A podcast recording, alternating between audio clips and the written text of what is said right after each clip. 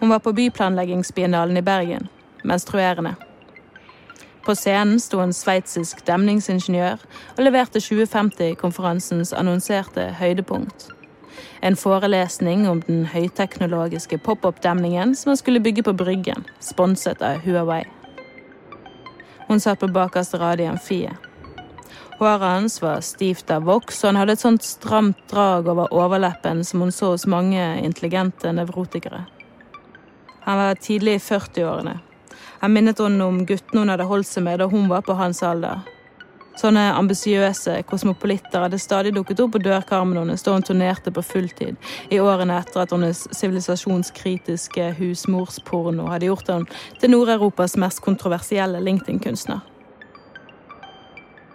Fordi alle andre relasjoner kom i veien for arbeidet eller fikk hun til å føle seg utilstrekkelig, hadde hun spesialisert seg på affærer. Flirende menn på dørkarmen med blomster og vin i hendene, klare for alt, det var det beste hun visste. Å se de stå der forventningsfulle, trekke de inn i leiligheter, lære de ting, vise de verden, gå sammen ut blant menneskene, la kveldene bli slørete og frie. Hver affære varte som regel et halvår før vendepunktet kom. Dagen da begjæret ble til omsorg og hun mistet ereksjonen og måtte vekk. Det hadde gått raskere mellom mennene etter hvert som hun ble eldre. Begynnelsen ble gøyere for hver mann, men intervallene trakk seg sammen, ble til små spurt. Restitusjonstiden halvert. Hun kunne ikke huske sist hun hadde hatt kjærlighetssorg, kanskje i 20-årene en gang. Hun var blitt så vant med tapet av et liv, av en intimitet, at det nesten ikke enset henne lenger. Hun var muligens blitt avstumpet, det var vel dette kritikerne ante når de hevdet at kunsten hennes hadde mistet sårbarheten, blitt sjelløs. Kajsa Fredriksen ble ofte invitert til å opptre på teaterscener her i sin gamle hjemby. Dette nyrike fiskeværet som på 1900-tallet hadde hatt et yrende kulturliv, men som nå hadde fått all sjarm erodert av elitenes skråsikre fantasiløshet. Selv hadde ikke hun blitt overrasket av sin egen suksess. Hun hadde alltid visst at hun rent objektivt sett var det største talentet hun hadde møtt, og dessuten at hun besatt en seksuell makt som kunne få nesten hva som helst til å skje. De sjokkerende lange beina og det store, lyse håret hadde aldri sviktet hun. De mussoliniske brystene hun hadde kjøpt i 40-årspresang til seg sjøl, hadde ikke skadet de heller. Ingen hadde kunnet unngå å ha en mening om de. Performancekunstneren frøken Dings Fredriksens XXL-pupper, designet av Asias største motehus, plassert ekstra høyt oppe, sånn at det ikke skulle være tvil om at de var kunstige. Var de ironiske, konseptuelle, bare jåleri? I forvirringen ble folk besatt. Kontrasten mellom det lynende intellektet og den pornografiske kroppen hadde vært magisk. Overalt hvor hun dro, åpnet det seg dører, og overalt møtte hun utrolige mannfolk. Det var bare som en ren bonus at hun på 50-årsdagen hadde spandert på seg vaginal foryngelse, fettsuging av det nedfalte venusberget, klipping og innsnurping av kjønnsleppene. Hun var lykkelig. Det eneste som kunne gjort henne enda mer tilfreds, ekstatisk i ordets opprinnelige forstand, ville være å få se det hele utenfra og få være sin egen voyeur. Hun tilsto gjerne til hvem som helst den helt grunnleggende sjøldiggingen. Hun ville dødd for en hovedrolle i en film om seg sjøl. Som barn ville han bli lege, fortalte sveitseren fra podiet. Men så kom pandemiene og tvang han til å tenke nytt. I to år av barndommen hadde han sittet isolert med foreldrene i en hytte utenfor Zürich, klistret til dramaet som utspilte seg på nyhetsskjermene, medisinernes statusfall. Troen på vitenskapen fikk i det hele tatt et kraftig skudd for baugen i koronaoppgjørene på andre halvdel av 20-tallet.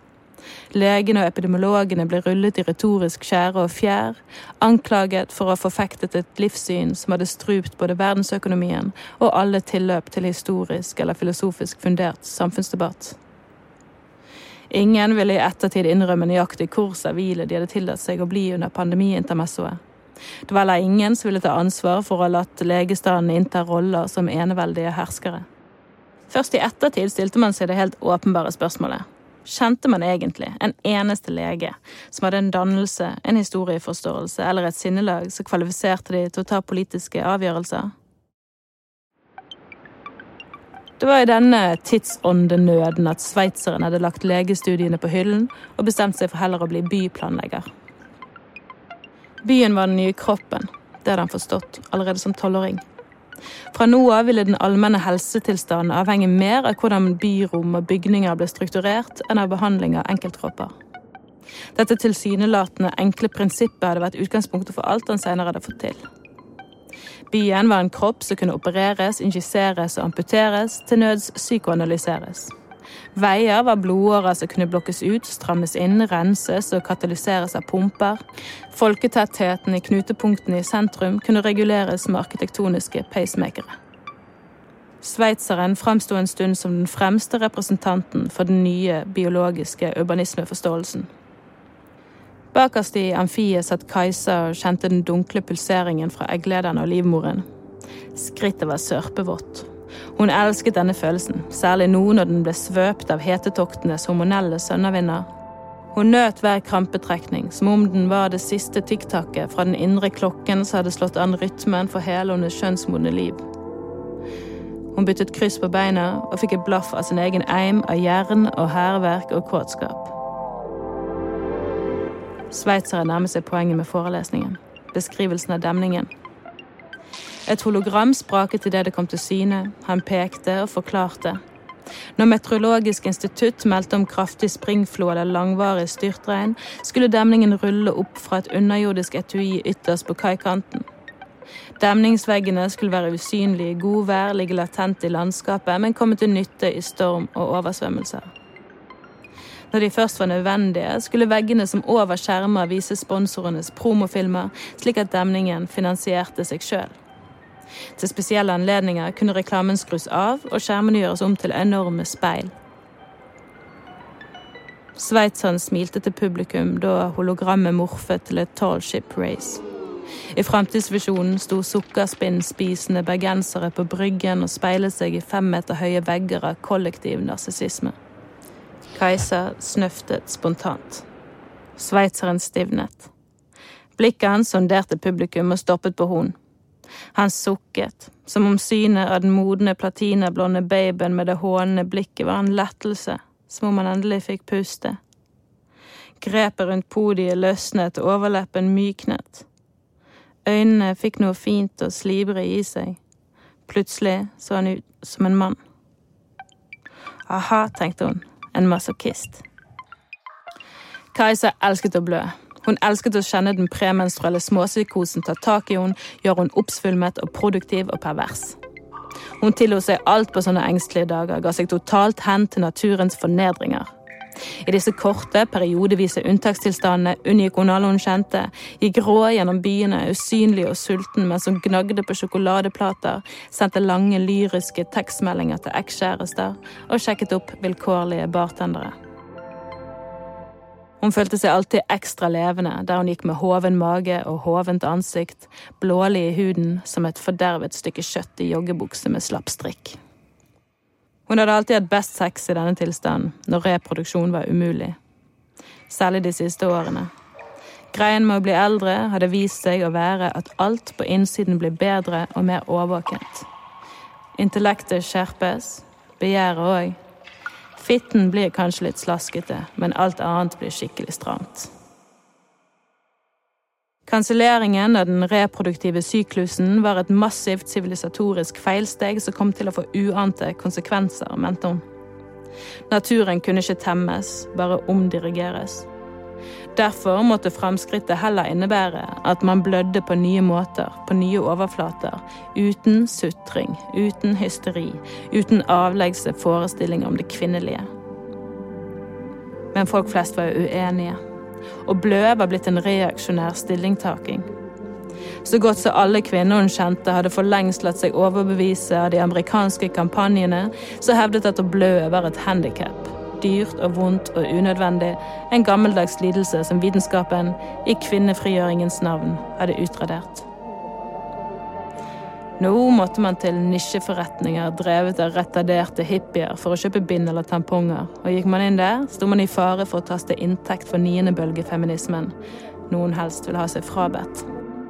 Men det var ingen vei utenom.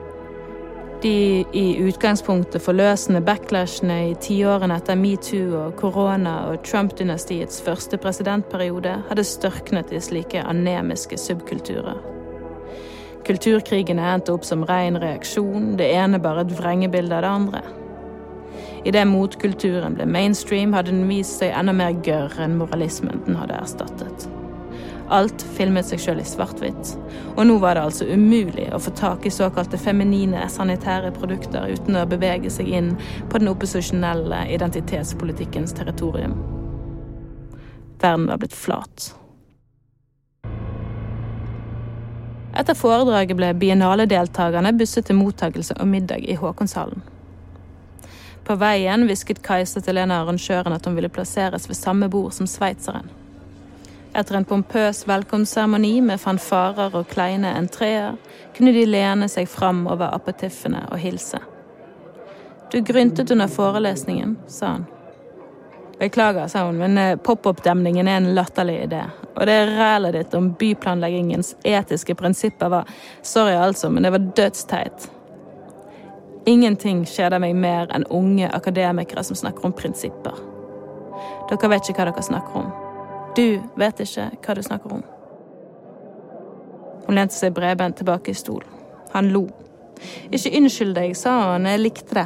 Jeg vet godt at jeg er på tynn is med den demningen, men man demmer opp for elver for å spare kraft til andre anledninger, men man demmer ikke opp for havet, jeg vet det.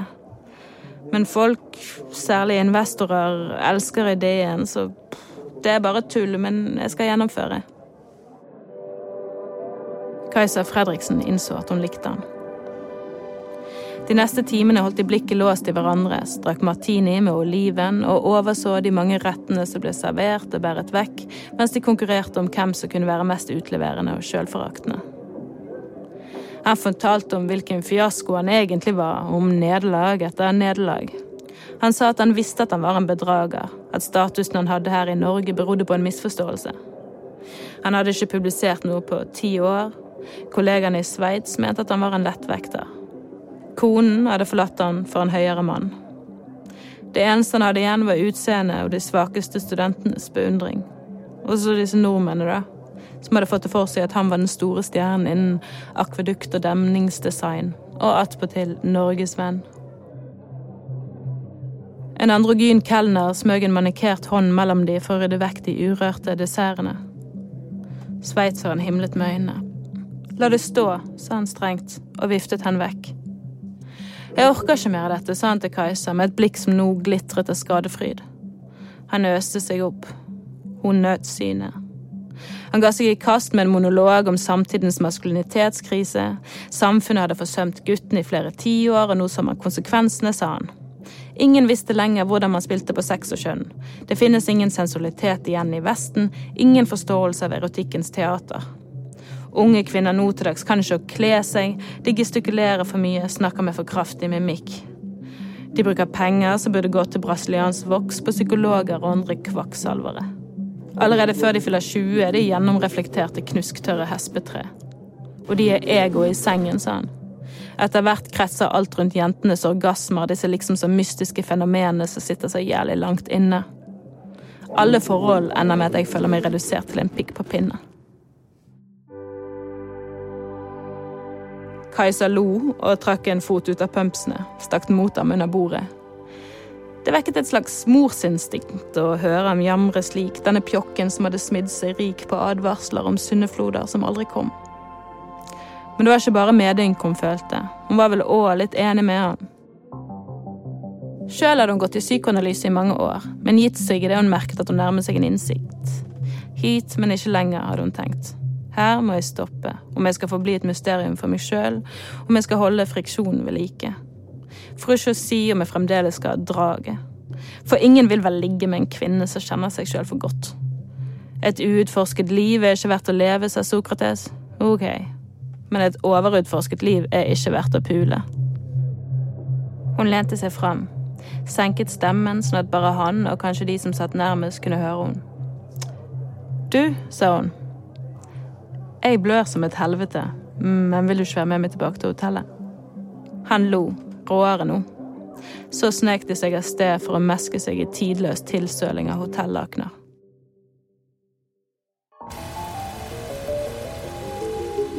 De gikk over Bryggen mot Hotell Norge, der alle biennaledeltakerne var innlosjert. Han pekte og forklarte demningsvisjonen, rakere i ryggen nå. Sjøen var stor og urolig og kald, likegyldig. En sånn sjø som James Joyce kanskje ville kalt det skrotumskrumpende havet. Hun fortsatte mobbingen. Hun sa at han var hjernevasket av en skjebnesvanger ideologi som skulle bli den vestlige sivilisasjonens undergang. Naturen fortrenges, sa hun, og pekte på den nye reinreguleringssentralen på Ulriken og alt som fortrenges, skal vende tilbake i nye og mer demoniske former. Menneskene leker guder når de skyter regnskyene nedover fjellene før de når sentrum. Det vil straffe seg. Fossenes og elvenes utspring tilstoppes, sa hun, og pekte på ledningene som ledet inn til propper i fjellsiden, som trådene til gigantiske tamponger. Betong mot vann overalt. Maks hardt mot maks mykt og i gatene gikk menneskene inntullet i gigantiske grå sjal og myke designerregnkåper, dyttet Ragnarok-sikrete barnevogner mens de pludret om været som om det fremdeles var en fri naturkraft. Men nå regnet det faktisk, uten at hun syntes det var noe videre romantisk ved det. I de sleipe bakkene gjennom smugene hadde brostein ruglete midtspor og bremseklosser fra da hester slepte bergensborgerskapet til torgs. Brostein får fram det svakeste i folk, tenkte hun plutselig, og innså at tanken var trygget av tre eksotiske vesener som rørte seg i utkanten av synsvinkelen. Tre svimlende, høyhælte striler på hennes egen alder, sikkert på vei hjem fra julebord. De vaklet forbi som nyfødte føll med korte kjoler og langt krølltang hår. En av de som er herjet ut enn de andre. Vent snøvlet hun. Venninnene stoppet, lente seg mot en husvegg. Den rufsete dro opp kjolen og tredde av seg en raknet strømpebukse, satte seg på huk og tisset mens de andre ventet, rutinert. Kajsa innså at hun hadde hatt hjemlengsel. Man kommer ikke langt her i livet uten å fløffe egoene til forfengelige menn. Sånn hadde hun tenkt, allerede som ung. Hun hadde gjort seg til ekspert på reaksjonære mannfolk, lært seg hva man skulle høste av de, og hva man skulle la råtne i sin egen sødme. Skulle man først menge seg med de kjønnskonservative, hadde hun tenkt måtte man sørge for å få med seg frynsegodene, ikke bare byrdene. Hun kunne gjerne lage all maten, kunne gjerne kle seg opp som en hvilken som helst stusslig urfantasi, så lenge de til gjengjeld sørget for å ta oppvasken, aldri komme tomhendt, sørge for at ting skjedde. Sånn hadde hun altså tenkt. Men i det siste hadde hun begynt å tvile. Kanskje hadde ikke denne livsstilen vært så mektig likevel. Kanskje den hadde virket mot sin hensikt. Kanskje hun til og med til tider hadde vært det hun hadde lovet seg sjøl aldri å bli. Et slags offer. Og nå skulle hun kanskje innhentes etter god gammel tragedielogikk og bli det verst tenkelige. En bitter kjerring forutrettet av verden. I årevis hadde hun vokset og bleket og spraytannet og lakket negler og innbilt seg at det var dette hun ville. Hadde hun malt seg inn i et hjørne? Hadde den liksom ironiske antifeminismen som hadde vært så innbringende rent profesjonelt, vært en langsom selvsabotasje? Sto hun igjen uten allierte, med det velfriserte kjønnshåret i postkassen? Jeg er ensom, sa hun til seg sjøl, forbløffet over den plutselig sjølmedlidende tanken. Jeg savner kvinner. De gikk til hennes uh, hotellrom, selv om hans var større og høyere oppe i etasjene. Hennes var likevel bedre, med en hel vegg av vindu mot den nygravde kanalen mellom lille og store Lungosvann. Det var sveitseren som hadde designet kanalen, og folk var fornøyde. Tonarvingene hadde kjempet mot utbyggingen i årevis, men da de måtte krype under jorden etter skandalene på 30-tallet, ga bystyret grønt lys til å bulldose bygarasjen og revne opp den kunstige landmassen som i over 200 år hadde lagt som et perineum mellom dammen og fjorden. På rommet tømte de barskapet. Danset, knelte, lekeslåss, spiste peanøtter, til de ble liggende i en sluttet sirkel av gjengjeldt munnsex. Som slangen som biter sin egen hale, tenkte Kajsa søvndrukkent. Eller som fris nummer fem på østveggen av Parthenon-tempelet i Aten, der han lar Pitt og en kentaur stå fastlåst i en perfekt sirkel. En voldelig dragkamp mellom fornuft og begjær som paradoksalt nok blir et bilde på harmoni. Ro. Det føltes bra å ligge der, i blodpølen, og tenke pretensiøse tanker. Hun kunne lagt sånn for alltid, tenkte hun, mens hun forsøkte å ikke sutte på pikken hans på en altfor åpenbart infantil måte. Han sovnet. Hun likte han desto bedre sånn, bevisstløs. Hun reiste seg, sto naken i vinduet med pannen presset mot ruten mens hun kjente etterdønningene ile fra skjønnet til hodet. Sengen speilet seg i glasset. En solbrun fot stakk ut fra dynen. Hun gikk tilbake til sengs. Men hun sov ikke den natten. Hun ble liggende våken og se på han, sånn utallige menn hadde sett på hun da hun var den yngre. Dette var bedre. Han smilte i søvne med blod i skjegget. Sånn så altså fremtiden ut, tenkte hun. Antroposen, blodsex med en vakker mann som fetisjerer erfaring framfor uskyld. Hun lå hodet bak over sengekanten. Tjukt regn pælmet mot vinduet. Kløften mot kanalen fra Store Lungåsvann frådet mellom de demonstrativt bærekraftige boligblokkene. Byen ligner til forveksling en by på bristepunktet. Da hun kom ut av badet neste morgen, sto han kry ved siden av sengen. Han strakk armene ut over nattens blodige slagmark. Se, sa han. Det ser ut som du har drept meg. Ja, sa hun. Du var god. Vi er gode. Og nå skal jeg ta deg med ut på frokost, og så skal vi være kjærester i ca. fire år.